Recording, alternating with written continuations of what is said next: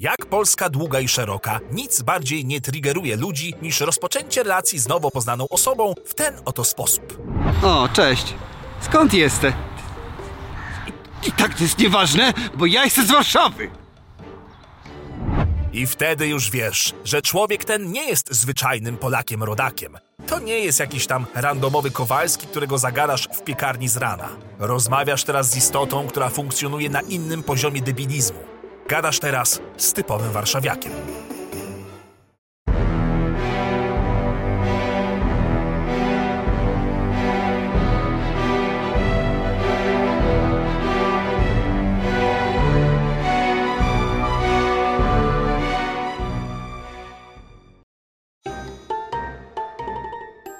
Duma wynikająca z mieszkania w takim, a nie innym mieście może być pozytywna i przyjemnie leżeć na sercu, ale pewna grupa ludzi wywindowała to uczucie na poziom chorobliwej bigoterii wymieszanej z lokalnym patriotyzmem. W stolicy osiągnęło to dziwne apogeum i skrajną formę ukrytego lub czasami niestety jawnego ostracyzmu wobec ludzi przybyłych z innych miast. Jeszcze jak ktoś jest z Wrocławia czy Łodzi, to pół biedy. Ale jak powiesz, że jesteś z jakiejś wioski, gdzie liczba mieszkańców wynosi tyle, ile lat ma twoja babcia, to dopiero zaczyna się młyn. Skąd? Lu Luboszów? Wy tam kurwa macie prąd w ogóle? Ej, tam u was na wiosce to dorożki jeszcze jeżdżą, czy macie już tam auta? Słuchaj, a weź ty mi przypomnij, ile wy macie linii metra, bo ja zapomnę.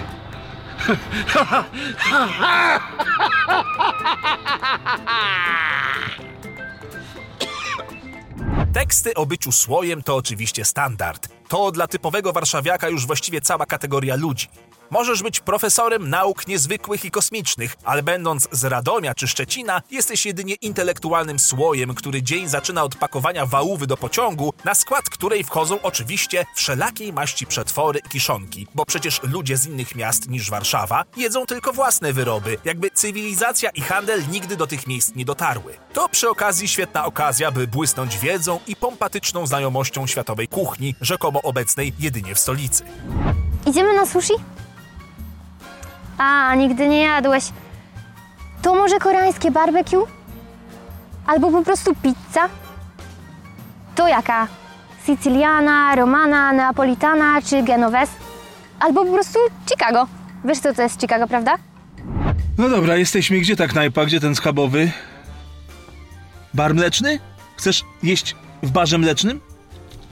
Dobra, słuchaj, zrobimy tak. Ty idź, zamów sobie tego kotleta, zjedz go. Ja poczekam w aucie, dobra? No ja nie będę przecież Mercedesem pod bar mleczny podjeżdżał. No proszę cię, no trochę kultury. No, jeszcze mnie zobaczą sąsiedzi. Idź. E, burger z kangura pod kandyzowanym fiołkiem, frytki z kalarepy, no i dobra kombucha, ale wiem, że troszkę bieda. Cenię sobie prostotę, jak idę na lunch.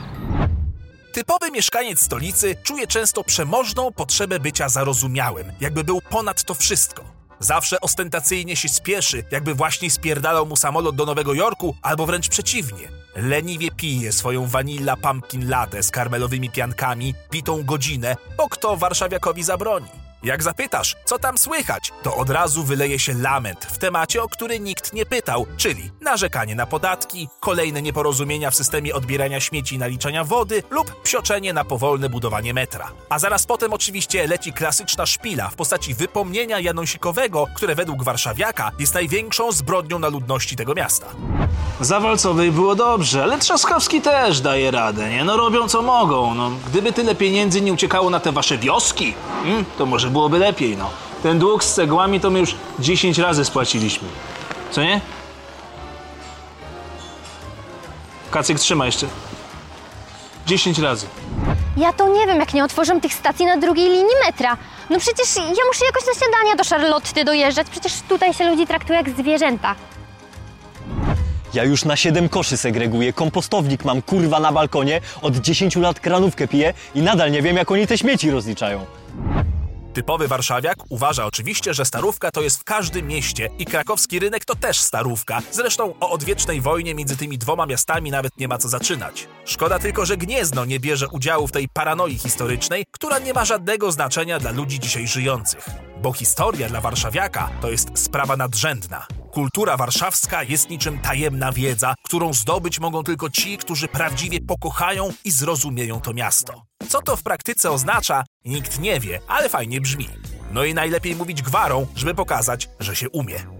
Piłaci wymierzyli im cztery łokcie, ależ tamaki wyrwali z kwaczu przez lipno. Bobina Juska sporutowała, gdzie szwicują i dziakowała im w Bartku igłę i krople na ząb, którą przemajchrowali przez siatkę w lipku i bryknęli do Warszawy.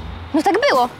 By być warszawiakiem, musisz oczywiście upajać się twórczością Grzesiuka i czytać w Bombaju Wiecha, jadąc na patelnię. Najlepiej z kaszkietem na głowie, bo to nakrycie głowy wróciło do łask chyba tylko w tym mieście. I to wieczne liczenie pokoleń wstecz, kurwa. Jarania się generacjami przodków, z którymi łączy nas jedynie fakt, że pochodzili z tego samego miasta, co już ma sprawiać, że nie musimy się starać, by zasłużyć na szacunek, bo nabywamy go wraz z aktem urodzenia w stolicy. Moja babcia, Genowefa Radziczewska, mieszkała w tej kamienicy. Ciągle czuję jej obecność, jakby tu była. A nie, a nie, to była tamta kamienica, tutaj był burdel i tutaj chodziłem na kurwy. Ja, proszę pana, jestem warszawiak z krwi i kości. Piąte pokolenie, no. Ja dla tego miasta to bym zrobił wszystko. Dlatego jak są pochody, wie pan, narodowe, no to z kolegami się zbieramy, rozpierdalamy chodniki, podpalamy ludziom mieszkania, a co? Tak bardzo kochamy to miasto.